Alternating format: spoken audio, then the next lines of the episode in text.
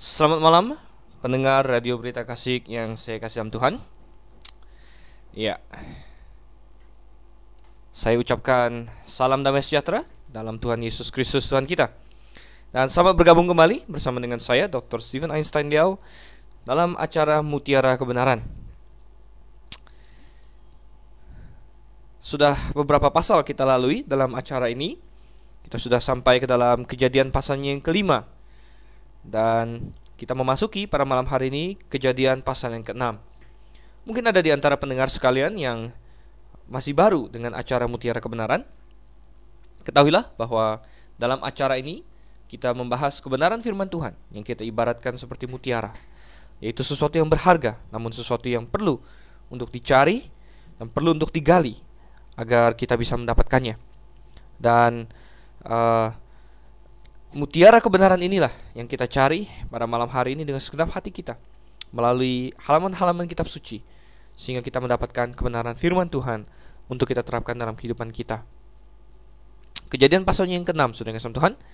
Dan sebelum kita memulai lebih lanjut, saya mengajak kita untuk berdoa terlebih dahulu. Mari kita tundukkan kepala kita dan kita berdoa. Tuhan Yesus, Tuhan yang telah mati untuk kami, telah menebus dosa-dosa kami, dan yang telah memberikan firman-Mu untuk menjadi pedoman hidup kami. Tuhan kami sangat rindu untuk mempelajari firman-Mu. Kami mengucap syukur untuk semua yang telah Engkau berikan. Dan kami mohon agar Engkau dapat um, menolong kami. Engkau menyingkapkan kebenaran-Mu kepada kami. Uh, engkau membukakan selubung yang menutupi mata kami. Oh Tuhan, pimpinlah kami. Kami mohon pimpinan-Mu dan semua pendengar sekalian ya Tuhan, di mana pun mereka berada. Engkau fokuskan kepada kebenaran firman-Mu. Kami berdoa Tuhan dalam nama Yesus Kristus saja. Amin. Baiklah, mendengar yang saya kasih Tuhan. Mari kita buka kitab kita ke dalam Kejadian pasalnya yang ke-6 ya. Kejadian pasalnya yang ke-6. Jika sudah mendapat ya. Kita akan baca beberapa ayat terlebih dahulu. Pertama kita baca ayat 1 hingga ayatnya yang keempat. Kejadian pasal 6 ayat 1 hingga ayatnya yang keempat. Demikian bunyi firman Tuhan. Ketika manusia itu mulai bertambah banyak jumlahnya di muka bumi, dan bagi mereka lahir anak-anak perempuan, maka anak-anak Allah melihat bahwa anak-anak perempuan manusia itu cantik-cantik. Lalu mereka mengambil istri dari antara perempuan-perempuan itu, siapa saja yang disukai mereka. Berfirmanlah Tuhan, Rohku tidak akan selama-lamanya tinggal di dalam manusia, karena manusia itu daging, tetapi umurnya akan 120 tahun saja. Pada waktu itu, orang-orang raksasa ada di bumi, dan juga pada waktu sesudahnya, ketika anak-anak Allah menghampiri anak-anak manusia, dan perempuan-perempuan itu melahirkan anak bagi mereka. Inilah orang-orang yang gagah perkasa di zaman purbakala, orang-orang yang kenamaan. Oke, saudara Tuhan, kita lihat di sini masuk dalam bab baru. Judul perikop yang diberikan oleh Lembaga Alkitab Indonesia adalah kejahatan manusia. Dan sungguh sebenarnya ini masih menyambung pasal yang kelima, di mana pasal yang kelima diakhiri dengan memperkenalkan kita kepada satu orang, yaitu Nuh. Dan kita semua tahu, Nuh, ketika kita mendengar tentang Nuh, kita selalu teringat akan air bah yang diceritakan dalam Alkitab. Dan sungguh, mulai dari pasal 6 hingga pasal 9, bercerita tentang air bah ini, saudara Tuhan. Dan air bah merupakan suatu kejadian yang uh, sangat penting dalam sejarah manusia, suatu kejadian yang uh, sangat sangat mendefinisikan, uh, sangat berpengaruh bagi manusia. Nah, uh, sedemikian rupa sehingga uh, banyak orang juga menyangkal keberadaannya. Tetapi coba kita lihat di dalam Matius pasalnya yang ke-24. Saya ajak kita baca dalam Matius pasal yang ke-24, eh, Matius 24 ayat 39 dan seterusnya dikatakan, sebab sebagaimana halnya pada zaman Nuh, demikian pula halnya kelak pada kedatangan anak manusia, sebagaimana mereka pada zaman sebelum air bah itu, makan dan minum, kawin dan mengawinkan, sampai kepada hari Nuh masuk ke dalam bahtera. Dan mereka tidak tahu akan sesuatu sebelum air bah itu datang dan melenyapkan mereka semua Demikian pula lah halnya kelak pada kedatangan anak manusia. Jadi Yesus Kristus sebagai otoritas tertinggi kita memberikan kepada kita suatu suatu konfirmasi ya suatu uh, pernyataan bahwa sungguh benar air bah itu terjadi bahkan uh, Yesus sendiri mengatakan bahwa situasi sebelum air bah itu mirip mirip-mirip nanti dengan situasi dunia sebelum kedatangannya yang kedua saudara dan ini membuat kita harus bertanya-tanya seperti apakah kondisi manusia sebelum air bah itu dan itulah sebabnya sangat penting bagi kita untuk mempelajari ayat-ayat ini untuk kita mendapatkan gambaran ah, betapa seperti apa keadaan manusia sebelum air bah itu. Oke. Nah, coba kita lihat kejadian pasal 6 tadi ayat 1 sampai ayat yang keempat yang telah kita baca. Rupanya saudara kasih Tuhan, semenjak manusia jatuh ke dalam dosa dan benih dosa itu mulai ditaburkan, saudara, dia berkembang dan dia berkembang dengan sangat cepat, ya uh, Adam yang sudah berdosa, ya. Kemudian kita lihat tidak lama sesudahnya, bahkan anaknya yang pertama, saudara, langsung menjadi pembunuh, ya, menjadi seorang pembunuh. Dan mungkin kita bertanya-tanya, bagaimana dengan keadaan dunia setelah itu? Apakah dunia hanya eh, sedikit-sedikit saja ada kejahatan? Apakah dunia secara umum baik-baik saja, semuanya mencari Tuhan dan hanya sebagian orang seperti Kain yang menyimpang dari Tuhan, ya? Atau bagaimana dengan anak cucu Kain, saudara Tuhan? Apakah mereka ikut jalan Kain ataukah mereka ikut dengan jalan kebenaran? Dan di kejadian pasal 6 ini semua ini dijawab. Dikatakan di ayat yang pertama, ketika manusia itu mulai bertambah banyak jumlahnya di muka bumi, ya.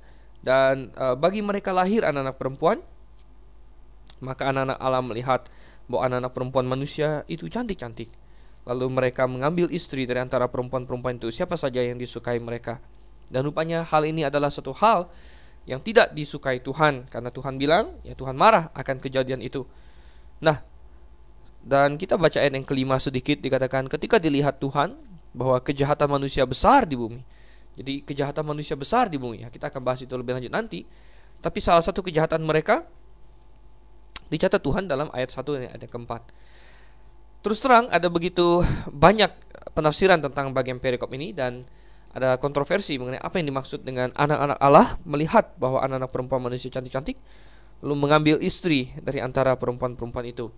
Apa maksud dari eh, kata-kata uh, di sini, saudara kasih Tuhan ya? Apa maksudnya? Dan kalau kita lihat secara lebih jelas, ya, maka yang menjadi pertanyaan mendasar kita adalah siapakah yang dimaksud dengan anak-anak Allah di sini, ya? Siapa yang dimaksud dengan anak-anak Allah? Dan kita lihat istilah bahasa asli mengenai anak-anak Allah ini adalah uh, Benei Elohim, saudara. Benei Elohim. Ya.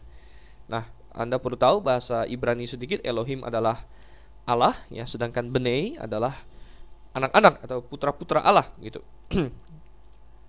Dan di dalam Alkitab sendiri istilah Benei Elohim, ya, itu tidak banyak ditemukan ya. Hanya ditemukan empat kali saudara ya. Empat kali atau maksud saya empat kali selain ya, termasuk di dalam kejadian ini. Jadi semua yang tertera dalam kejadian ini dihitung satu ya. Karena dalam kejadian pasal 6 ini disebut anak-anak Allah di sini ada ada berapa kali nih ya? Di ayat 2 satu kali ya kemudian nanti di ayat yang keempat satu kali ya intinya di luar dari kejadian pasal 6 hanya tiga kali lain lagi ya. Hanya tiga kali lagi istilah Benei Elohim dipakai dalam Alkitab. Dan ketiga-tiganya itu semuanya terjadi di kitab Ayub, Saudara. Jadi istilah Benei Elohim ya. Anak-anak Allah ya dalam bahasa Ibrani hanya ditemukan di Kejadian pasal 6 dan di kitab Ayub. Sementara di kitab Ayub terjadi tiga kali. Dan sangat uh, menarik sekali untuk memperhatikan bahwa Kitab Ayub juga adalah salah satu kitab tertua dalam Alkitab. Ya. Kitab Ayub adalah salah satu kitab tertua dalam Alkitab. Ya. Uh, kita percaya bahwa kitab Ayub ditulis ya kira-kira mungkin bahkan sebelum Abraham lahir. Ya. nah, dalam kitab yang sangat tua ini sekaligus juga dengan kejadian adalah kitab yang menceritakan tentang kejadian yang sangat tua. Ya. Ini kita bahkan percaya bahwa Eh, bagian-bagian awal kejadian mungkin sudah dituliskan oleh Adam, oleh Nuh dan lain sebagainya ya, yang kemudian diteruskan sampai ke tangan Musa sehingga Musa yang uh, mengedit semuanya itu, merangkum semuanya itu. Ya. Nah, kita lihat beberapa Ayub pasal 1 ayat yang ke-6. Itu dikatakan pada suatu hari datanglah anak-anak Allah menghadap Tuhan dan di antara mereka datanglah juga iblis. Istilah anak-anak Allah dalam Ayub 1 ayat 6 ini adalah Benai Elohim dan jelas mengacu kepada malaikat. Ayub pasal 2 ayat 1 hal yang sama. Pada suatu hari datanglah anak-anak Allah menghadap Tuhan dan di antara mereka datang juga iblis untuk menghadap Tuhan. Di sini anak-anak anak-anak Allah lagi Benai Elohim dan mengacu kepada malaikat. Hmm? Ah, kemudian pemakaian yang ketiga dan yang terakhir ya, dalam kitab Wahyu dan terakhir dalam Alkitab juga ada dalam Ayub pasal yang ke-38 Ayub pasal yang ke-38 ayatnya yang ketujuh saudara ya. Ayatnya yang ketujuh sebenarnya kalau untuk tahu kita baca dari ayat yang keempat dikatakan di manakah engkau ketika aku meletakkan dasar bumi Ceritakanlah kalau engkau mempunyai pengertian, siapakah yang telah menetapkan ukurannya? Bukankah engkau mengetahuinya? Atau siapakah yang telah merentangkan tali pengukur padanya? Atas apakah sendi-sendinya dilantak dan siapakah yang memasang batu penjurunya? Pada waktu bintang-bintang fajar bersorak-sorak bersama-sama dan semua anak Allah bersorak-sorai. Semua anak Allah di situ adalah Benai Elohim. Jadi istilah Benai Elohim ya dipakai dalam Alkitab semuanya selalu mengacu kepada malaikat. Oleh karena itu mendukung penafsiran bahwa dalam kejadian pasal 6 pun istilah Bnei Elohim atau anak-anak Allah di sini mengacu kepada malaikat. Nah, kalau demikian apakah yang diajarkan oleh Alkitab di sini? Yaitu bahwa suatu ketika di muka bumi ya, sebelum air bah pernah terjadi suatu kejadian di mana anak-anak Allah atau malaikat-malaikat yang menghampiri anak-anak perempuan manusia ya, menghampiri anak-anak perempuan manusia, bersetubuh dengan mereka dan menghasilkan keturunan. Ini sepertinya yang diajarkan oleh Alkitab. Nah, hal ini sepertinya sulit dipercaya oleh karena itu eh, banyak orang-orang rasionalistik atau yang mengandalkan pengertian manusia menolak penafsiran seperti ini. Mereka lebih memilih untuk mengatakan bahwa eh, anak-anak Allah di sini maksudnya adalah anak-anak dari keturunan Set begitu ya. Sedangkan anak-anak manusia yang dimaksud adalah anak-anak dari keturunan Kain. Nah, tetapi penafsiran ini tidak penafsiran yang seperti itu tidak tidak cocok atau tidak memuaskan begitu. Mengapa?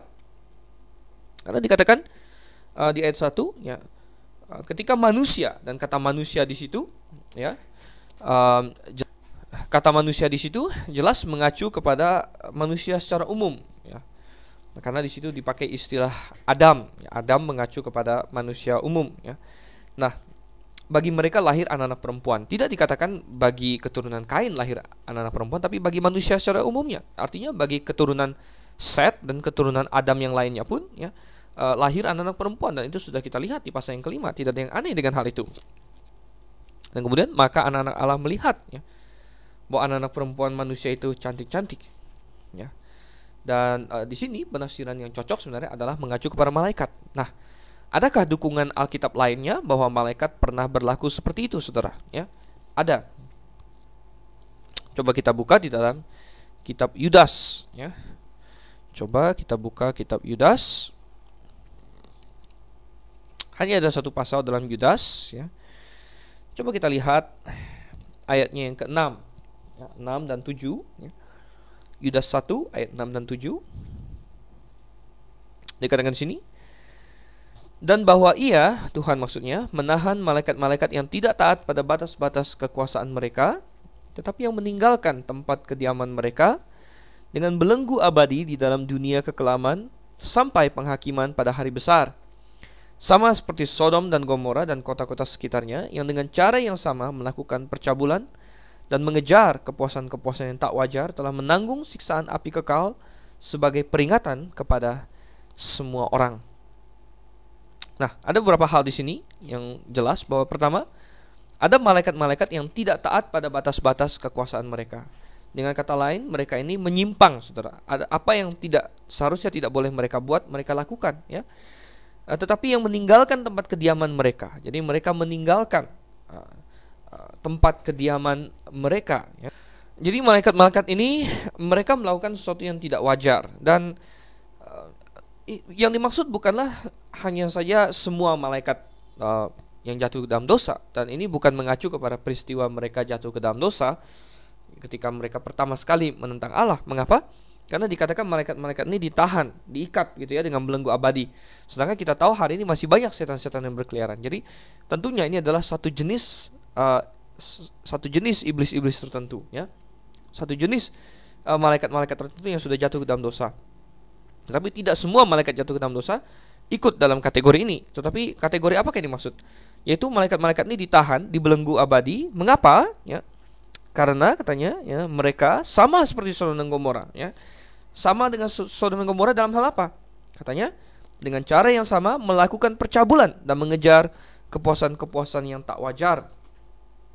Jadi eh, Tuhan mengungkapkan dalam kitab Yudas bahwa ada malaikat-malaikat yang hari ini dibelenggu oleh Tuhan secara khusus, sementara teman-teman mereka malaikat lain yang jatuh dalam dosa uh, tidak dibelenggu, maksudnya masih bebas untuk menggoda kita, untuk dan sebagainya. Tapi ada satu jenis yang yang dibelenggu, yang diikat secara khusus oleh Tuhan, yaitu mereka yang melakukan percabulan, saudara, dan uh, melakukan percabulan dan mengejar kepuasan yang tak wajar.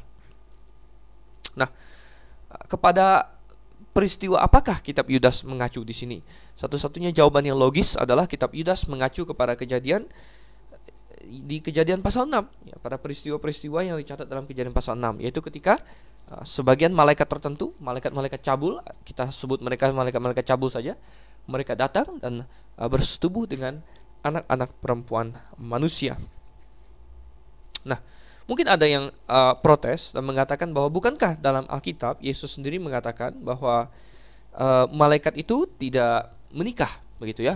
Malaikat tidak menikah dan mereka tidak kawin dan tidak saling memberi kawin. Nah, nah pengajaran itu memang benar ya. Bahkan pengajaran itu ada di dalam uh, Injil Matius. Coba kita lihat. Matius pasalnya yang ke-22 ya. Ayatnya yang ke um, 30 ya dan 31 ya. Matius 22 ayat 30 dan 31 dikatakan karena pada waktu kebangkitan orang tidak kawin dan tidak dikawinkan melainkan hidup seperti malaikat di sorga. Jadi dikatakan di sini bahwa malaikat di sorga tidak kawin dan tidak dikawinkan. Nah, saudara ini benar ya. Ya kita tidak mengatakan ini salah, tetapi ini tidak menutup penafsiran bahwa malaikat atau anak-anak Allah di Kejadian pasal 6 mengacu kepada malaikat. Mengapa? Satu, ya karena yang disebut malaikat-malaikat yang tidak kawin dan tidak dikawinkan di sini adalah malaikat-malaikat yang di sorga. Ya, ini adalah malaikat-malaikat yang baik tentunya. Ya, sedangkan kita percaya yang melakukan uh, kejahatan di kejadian pasal 6 adalah malaikat-malaikat yang telah jatuh ke dalam dosa yang tentunya tidak hidup di sorga lagi. Ya. Dan ketika dikatakan bahwa malaikat-malaikat di sorga tidak kawin dan tidak dikawinkan, ya, tidak dikatakan bahwa mereka tidak mampu untuk kawin atau tidak bisa kawin, hanya bahwa mereka tidak melakukannya. Sedangkan kita lihat bahwa di dalam Yudas dikatakan malaikat-malaikat yang berbuat cabul itu adalah malaikat-malaikat yang meninggalkan batas-batas kekuasaan mereka, mengejar kepuasan yang tak wajar, yang meninggalkan uh, tempat tinggal mereka atau habitat mereka, tempat kediaman mereka. Jadi ini malaikat-malaikat yang menyimpang. Jadi apa yang Yesus katakan, ya, sebenarnya berlaku untuk malaikat yang normal, malaikat yang belum jatuh ke dalam dosa, yaitu malaikat-malaikat itu tidak uh, tidak kawin dan tidak dikawinkan. Sedangkan malaikat-malaikat jatuh dalam dosa, mereka uh, ada sebagian yang meninggalkan kodrat mereka tersebut, ya. Oke. Nah, coba kita lihat lagi ke dalam kejadian pasal yang ke-6 ya.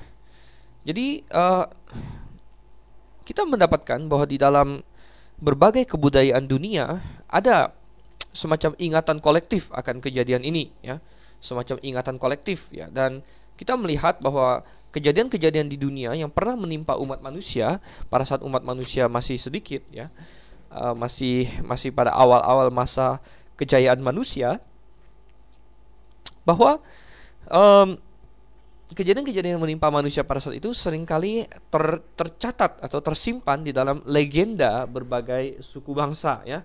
Seperti air bah air bah tentu menimpa seisi dunia dan air bah yang menimpa seisi dunia itu diingat oleh berbagai suku bangsa sehingga ke, ke, ke suku mana pun Anda pergi, akan kemungkinan besar Anda akan mendapatkan adanya suatu legenda tentang air bah, saudara Tuhan ya.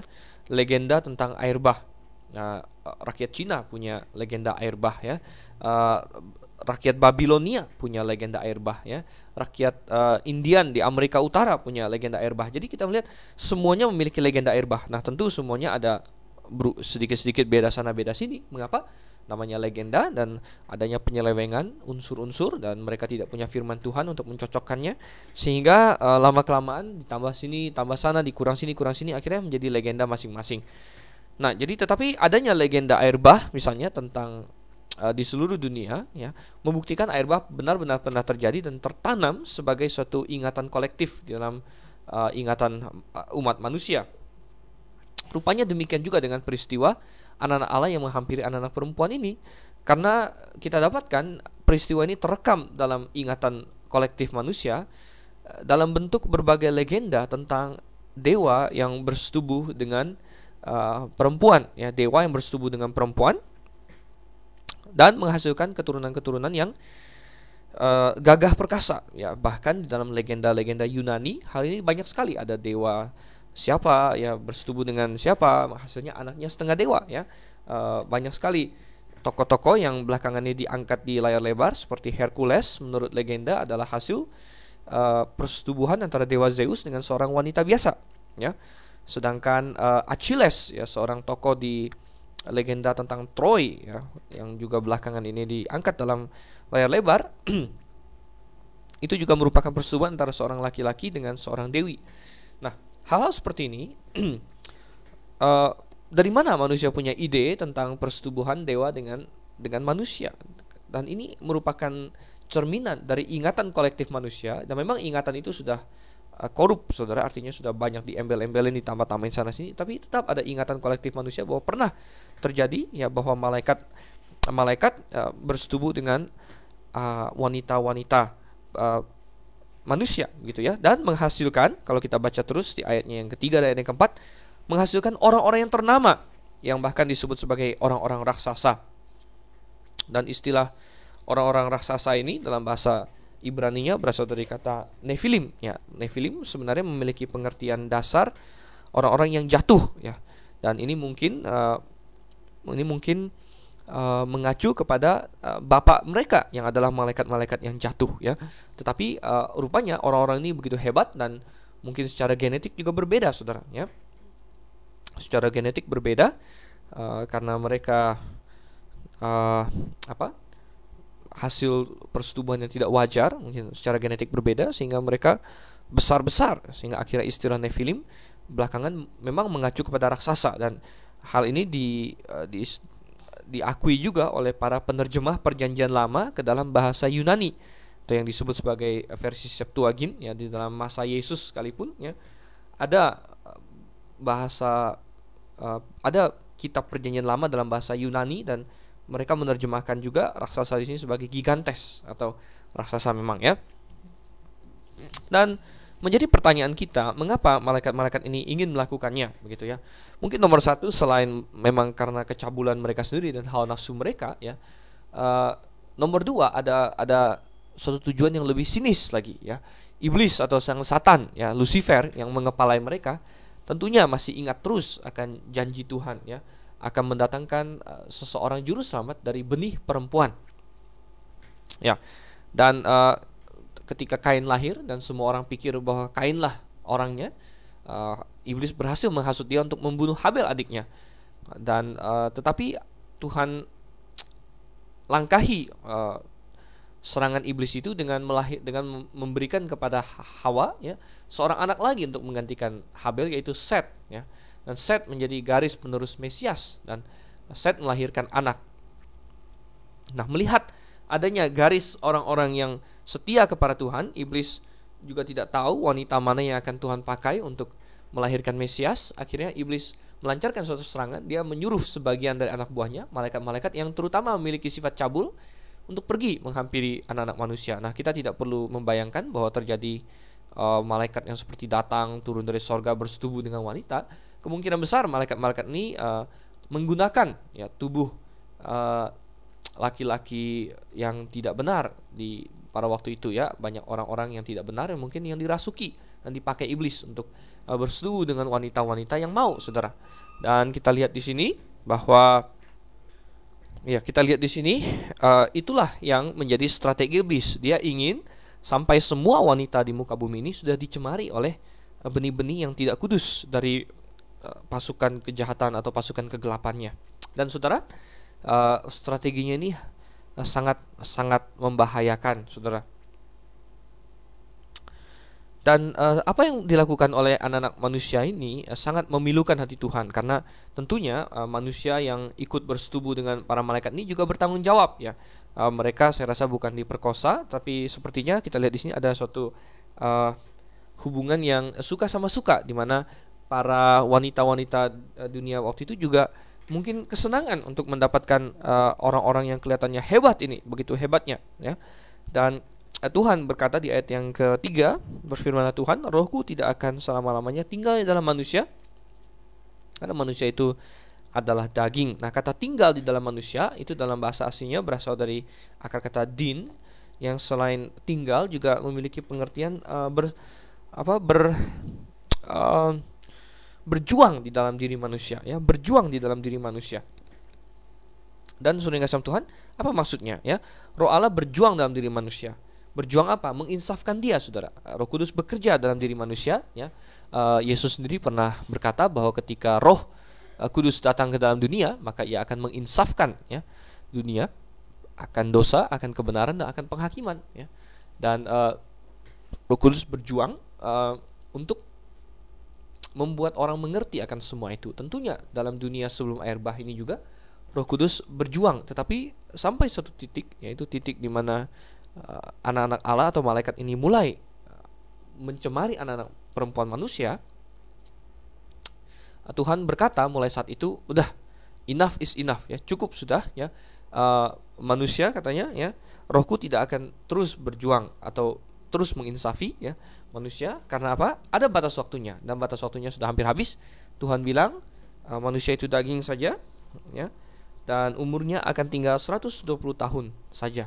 Apa yang dimaksud di sini? Bukan berarti bahwa uh, manusia tidak bisa hidup lebih lama dari 120 tahun. Karena uh, kita dapatkan ada cukup banyak orang baik itu dalam Alkitab maupun yang yang tercatat di luar Alkitab yang yang hidupnya mungkin lebih dari 120 tahun bahkan Abraham segala macam lebih dari 120 tahun tapi maksudnya di sini adalah Tuhan sudah memprediksikan akan datangnya penghakiman ya yang menghancurkan semua umat manusia 120 tahun semenjak kejadian-kejadian uh, persetubuhan antara malaikat dengan wanita-wanita itu.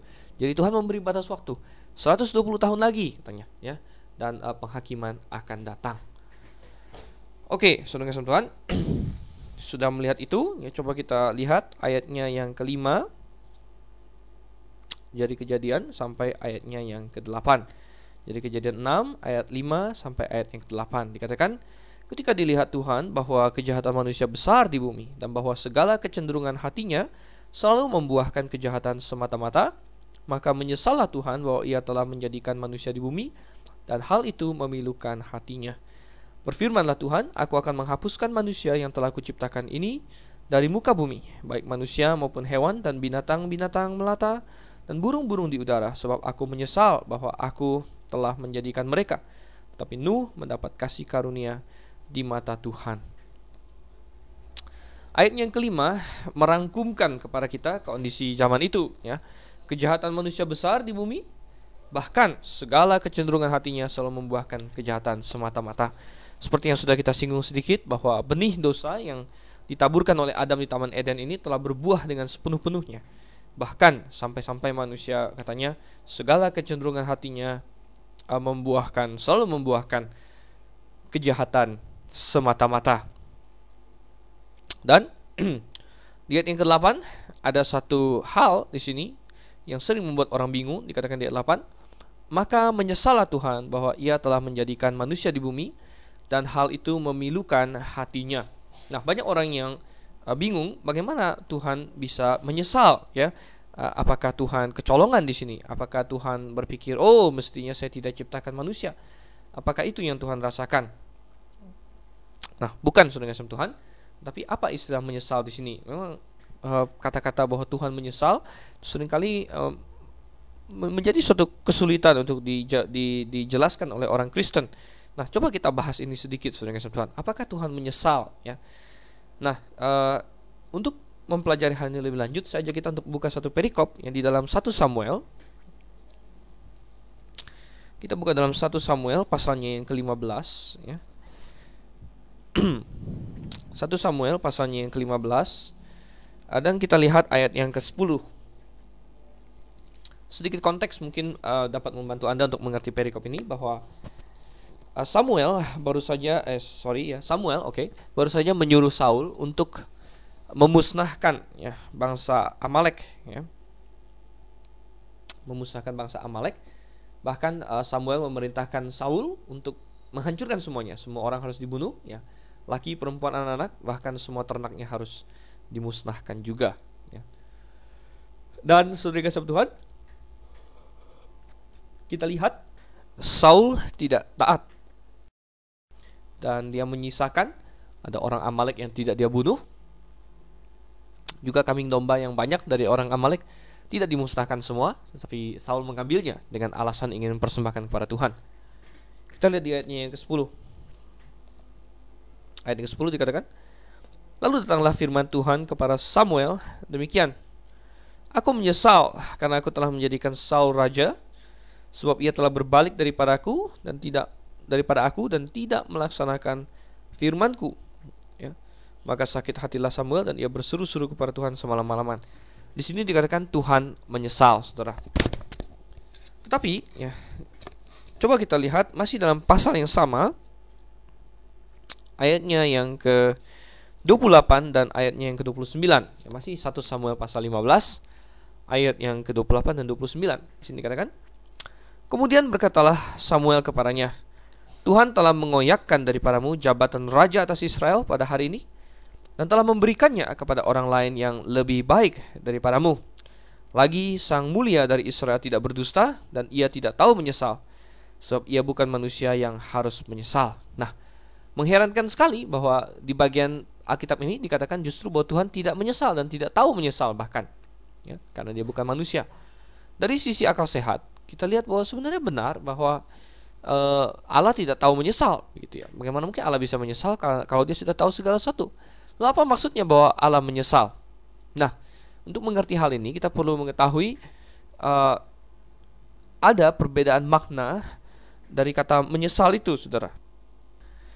Kata menyesal itu sendiri dalam bahasa Ibrani-nya berasal dari kata naham, ya, naham, dan memiliki dua komponen di dalamnya, ya. Dan bahkan kata menyesal dalam bahasa Indonesia pun sebenarnya sama demikian, ya. Itu eh, komponen perasaan ya dan komponen pengetahuan ya. Ketika seorang mengatakan dia menyesal ada dua hal yang terkandung dalamnya yaitu perasaan dan pengetahuan ya. Uh, perasaan di dalam kata menyesal tentunya uh, melingkupi suatu perasaan sedih suatu perasaan duka cita suatu perasaan yang pilu begitu ya maka orang itu menyesal Sedangkan komponen pengetahuan di dalam kata menyesal melingkupi suatu ide bahwa orang itu tadinya tidak mengetahui sesuatu, kemudian belakangan sesudah terjadi hal-hal yang tidak diinginkan, baru dia tahu tentang hal itu, sehingga dia menyesal, ya. Dan uh, kalau dia bisa memutar kembali waktu, mungkin dia akan melakukan hal yang berbeda. Nah, saya perlu katakan kepada Anda bahwa dua komponen ini ada di dalam kata menyesal, tetapi tidak kedua-duanya berlaku kepada Allah. Allah adalah Allah yang Maha Tahu, oleh karena itu komponen pengetahuan di dalam menyesal tidak mungkin diterapkan pada Allah. Dan itulah yang dimaksudkan ketika dalam 1 Samuel pasal 15 ayat yang ke-28 29 itu dikatakan bahwa Allah bukanlah manusia sehingga ia tahu menyesal. Maksudnya Allah yang maha tahu tidak mungkin menyesal. Tidak mungkin menyesal dalam pengertian apa? Dalam aspek pengetahuan dari menyesal itu. Bahwa tadinya Allah tidak tahu apa yang akan terjadi. Kemudian sesudah kejadian baru Allah Oh ternyata begitu. Kemudian Allah menyesal dan seolah-olah ingin Oh kalau bisa saya mau ulang lagi. Atau kalau bisa saya mau uh, Mau melakukan hal yang berbeda. Bukan itu yang dimaksud ya. Allah tidak mungkin menyesal seperti itu. Nah lalu apa yang dimaksud dengan kata-kata Allah menyesal yang kita baca baik itu dalam kejadian pasal 6 maupun 1 Samuel 15 ayat 10. Yang dimaksud dengan kata Allah menyesal itu adalah komponen perasaannya, ya. Nah, Allah ingin mengungkapkan kepada manusia karena ingat bahwa Allah sedang berbicara kepada manusia. Dan Allah ingin mengungkapkan perasaannya kepada manusia tentunya harus menggunakan istilah-istilah yang manusia mengerti. Dan istilah apakah yang paling cocok untuk menggambarkan perasaan Allah waktu itu? Perasaan yang dipenuhi dengan duka cita, dipenuhi dengan rasa sayang sekali, dipenuhi dengan rasa oh kenapa harus jadi begini, begitu ya. Uh, dan kata yang paling tepat untuk menggambarkan itu adalah kata menyesal, saudara. Menyesal dalam eh, pengertian perasaan. Ya. Oleh karena itu, itulah yang dimaksud ketika dikatakan bahwa Allah menyesal. Ya. Oke, jadi kita sudah lihat tentang Allah menyesal. Saya harap pendengar sekalian tidak bingung, tidak bingung dalam hal ini dan mengerti dengan apa yang dimaksud dengan Allah menyesal. Oke, dikatakan Nah, Allah menyesal telah menciptakan manusia dalam pengertian dia merasa sayang sekali bahwa manusia yang dia ciptakan itu uh, ujung-ujungnya seperti itu, begitu ya. Dia merasa sangat sedih, ya. Bukan berarti Allah tidak tahu sebelumnya. Allah sudah tahu akan berakhir seperti ini, ya. Tapi Allah tetap sedih, ya. Mengetahui sesuatu bukan berarti kita menjadi tidak sedih lagi atas hal itu, ya. Sama seperti misalnya ketika saya punya misalnya seorang anak begitu, ya dan anak saya misalnya terkena penyakit berat ya dan dokter sudah memberitahu saya bahwa anak saya uh, sebentar lagi akan mati ya mungkin saya sudah tahu akan apa yang akan terjadi ya tetapi ketika anak saya mati toh saya merasa sangat sedih juga ya nah sama seperti Allah bahwa Allah sedih ya Allah menyesal di sini bukan berarti Allah tidak tahu bahwa hal ini akan terjadi Allah sudah tahu tapi walaupun Allah sudah tahu ketika manusia tetap berbuat jahat sesuai dengan Allah yang sudah tahu itu tetap saja Allah merasa sedih. Jadi ke kemahatauan Allah tidak menghalangi perasaan Allah yang ikut sedih ketika melihat manusia seperti itu. Sehingga akhirnya Allah mengambil suatu keputusan bahwa dikatakan di ayat yang ketujuh, Berfirmanlah Tuhan, aku akan menghapuskan manusia yang telah kuciptakan itu dari muka bumi. Dan suatu keputusan Tuhan ambil untuk menghapuskan manusia, ya. Katanya baik manusia maupun hewan dan binatang-binatang melata dan burung-burung di udara sebab aku menyesal bahwa aku telah menjadikan mereka. Dan bukan hanya manusia yang terkena dampak, saudara. Sungguh sial sebenarnya binatang-binatang dan segala makhluk hidup lain yang di bumi ini karena Tuhan mereka yaitu manusia yang telah Tuhan letakkan di atas mereka karena ingat bahwa ketika Tuhan menciptakan manusia Tuhan memberinya kuasa untuk berkuasa atas segala binatang. Dan Tuhan mereka yaitu manusia ternyata jatuh dalam dosa dan berbuat sangat jahat. Sehingga eh, hukuman kepada manusia juga mengenai hukuman kepada alam semesta ya.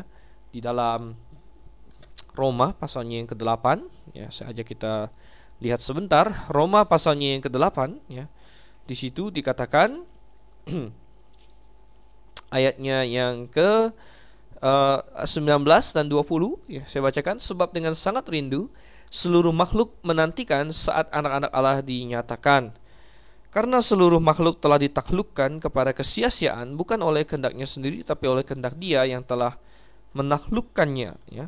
Tetapi dalam pengharapan karena makhluk itu sendiri juga akan dimerdekakan dari perbudakan kebinasaan dan masuk ke dalam kemerdekaan kemuliaan anak-anak Allah.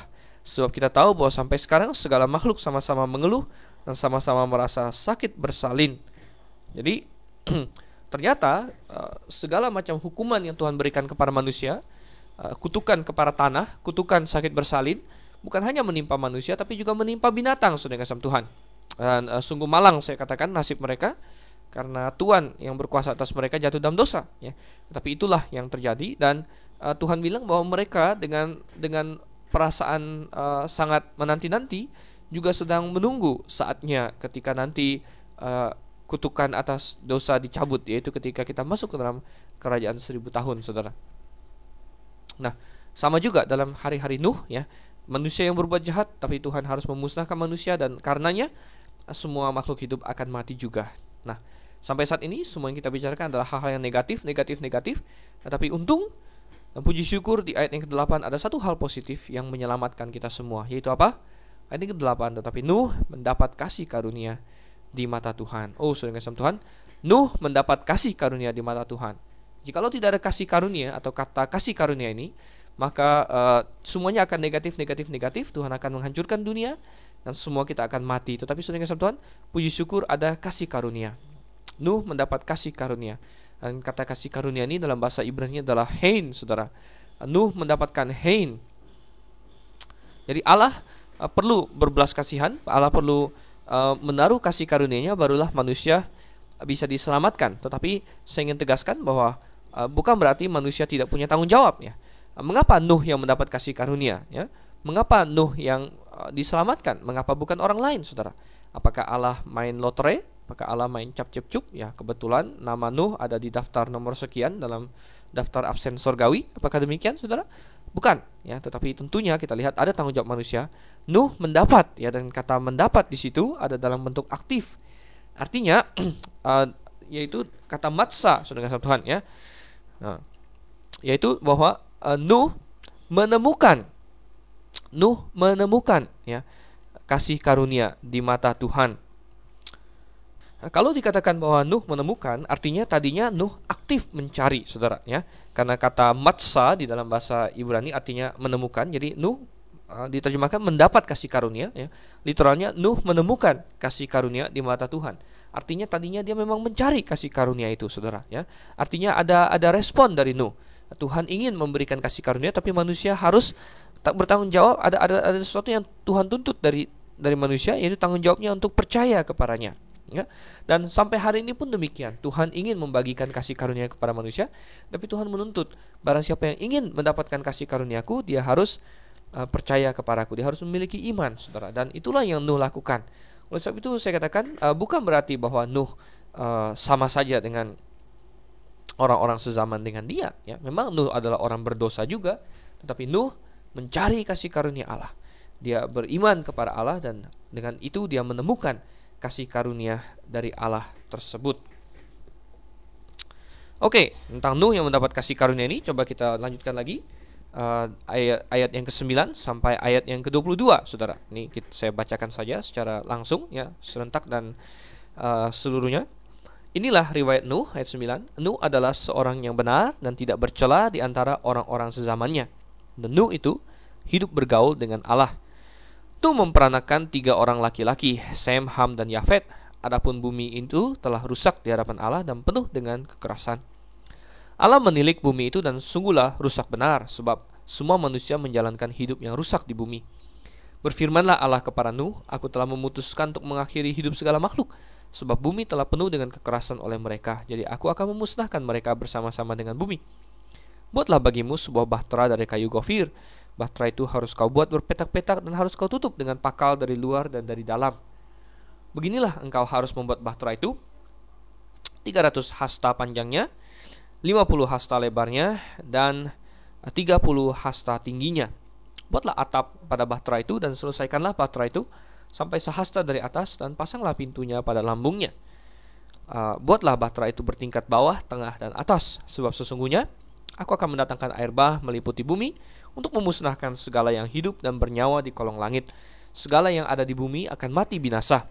Tetapi dengan engkau, aku akan mengadakan perjanjianku dan engkau akan masuk ke dalam bahtera itu, engkau bersama-sama dengan anak-anakmu dan istrimu dan istri anak-anakmu.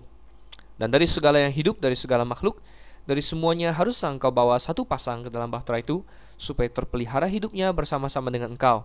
Jantan dan betina harus kau bawa, dari segala jenis burung dan dari segala jenis hewan, dari segala jenis binatang melata di muka bumi, dari semuanya itu harus datang satu pasang kepadamu supaya terpelihara hidupnya.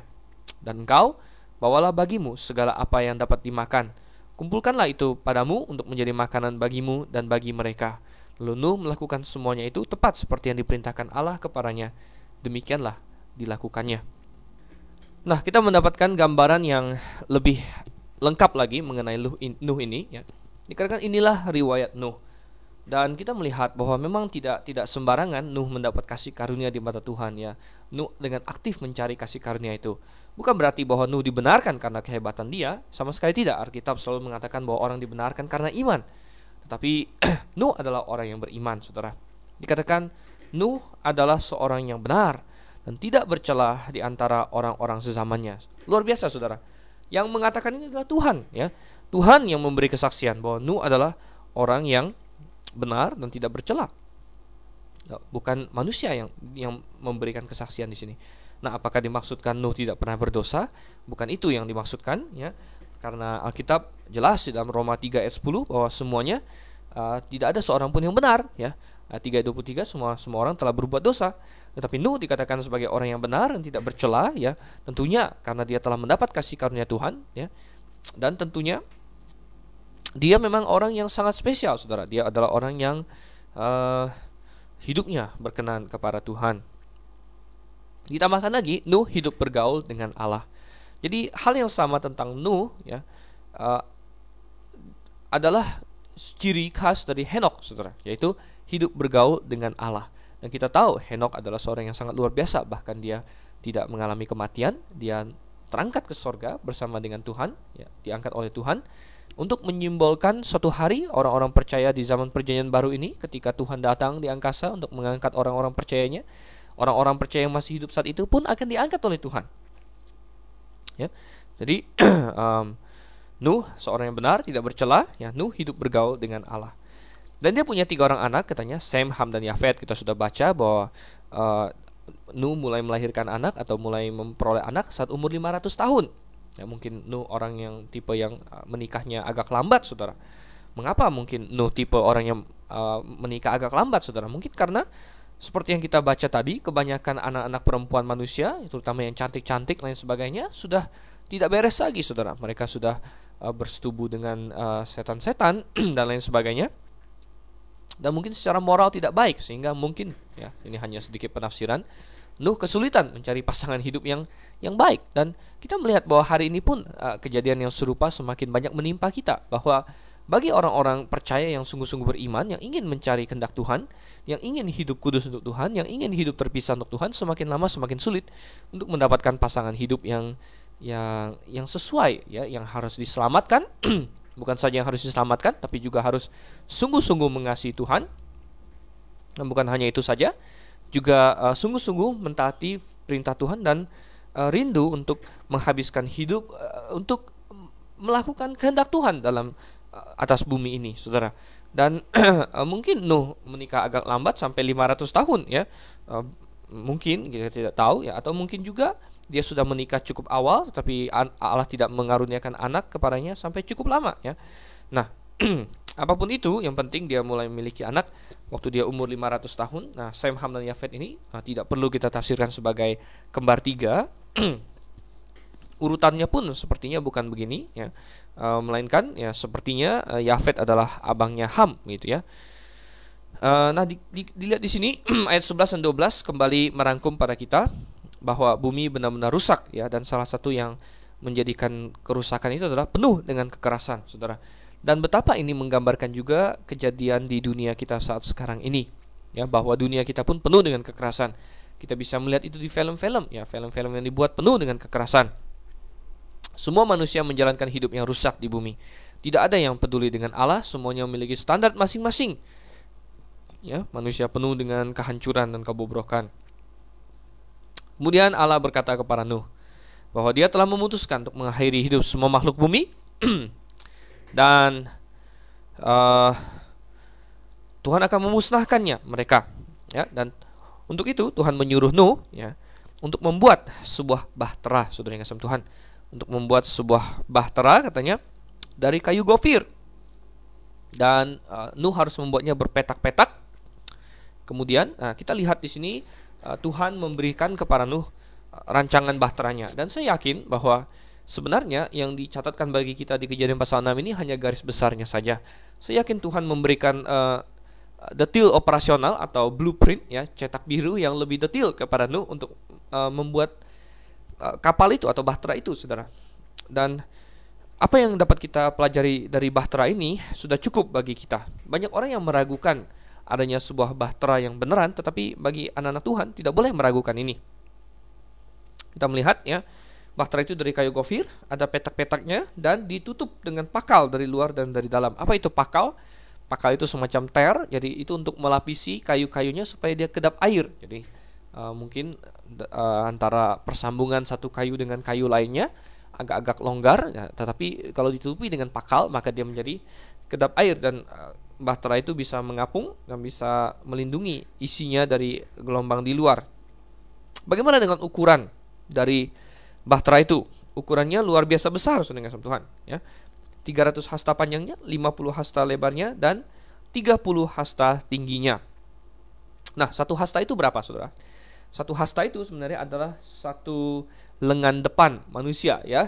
Nah, itu adalah waktu itu, ya. Jadi dari ujung jari tengah Anda sampai kepada um, ujung uh, siku Anda, ya, itu adalah satu hasta. Nah, tentunya manusia yang berbeda-beda punya hasta yang berbeda-beda. Oleh karena itu, mereka juga membuat standar, ya.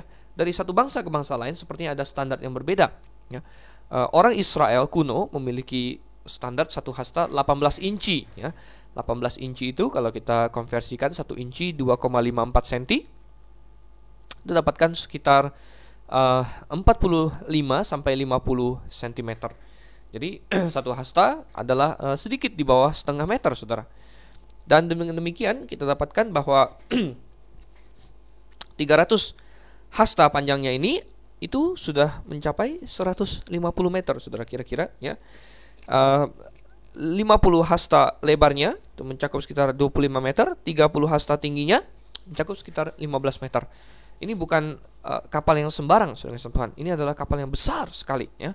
Dan uh, kalau Anda kalikan semua ini ya 300 kali 50 kali 30 ya 50 kali 30 adalah 1500 kali 300 lagi dari 1500 adalah um, berapa saudara? 450 ribu ya.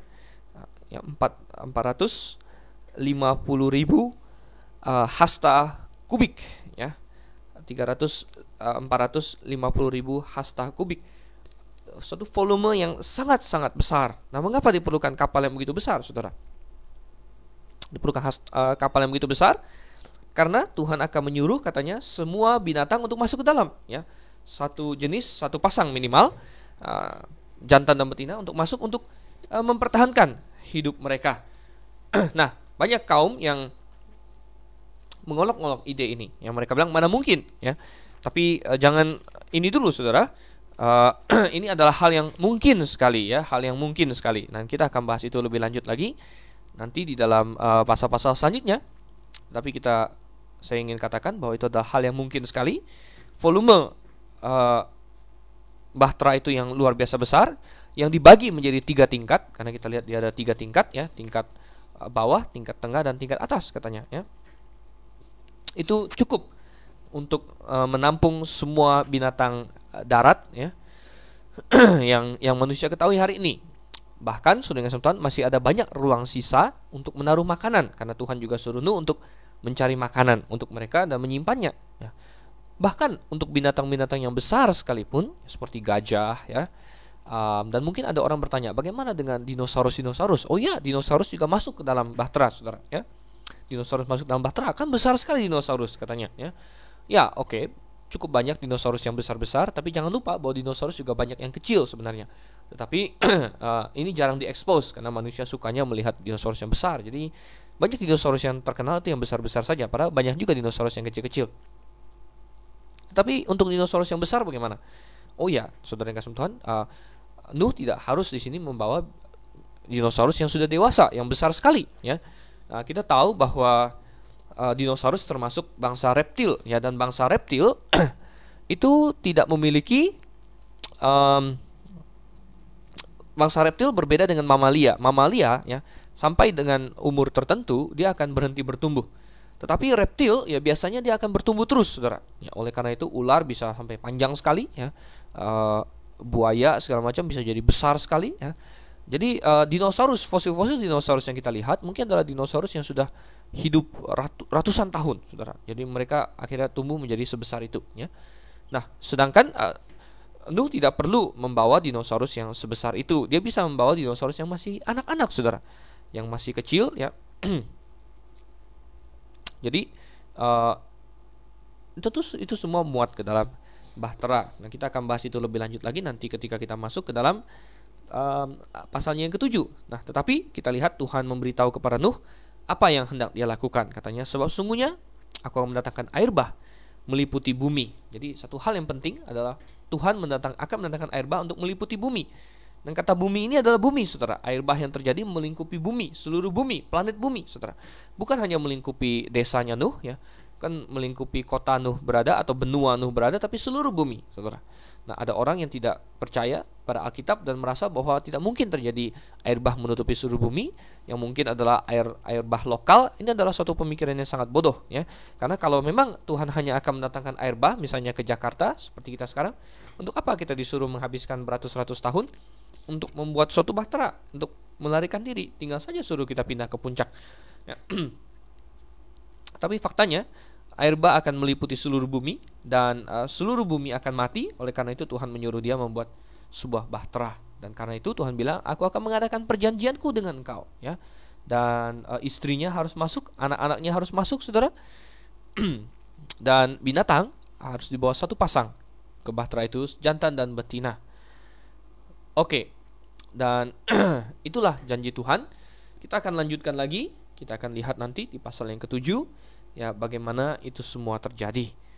Baik saudara, nantikan kembali pembahasan kita pada eh, kali berikutnya dan uh, saya undur diri untuk malam ini dan saya ucapkan dari Dr. Stephen Einstein Liao selamat malam dan Maranatha.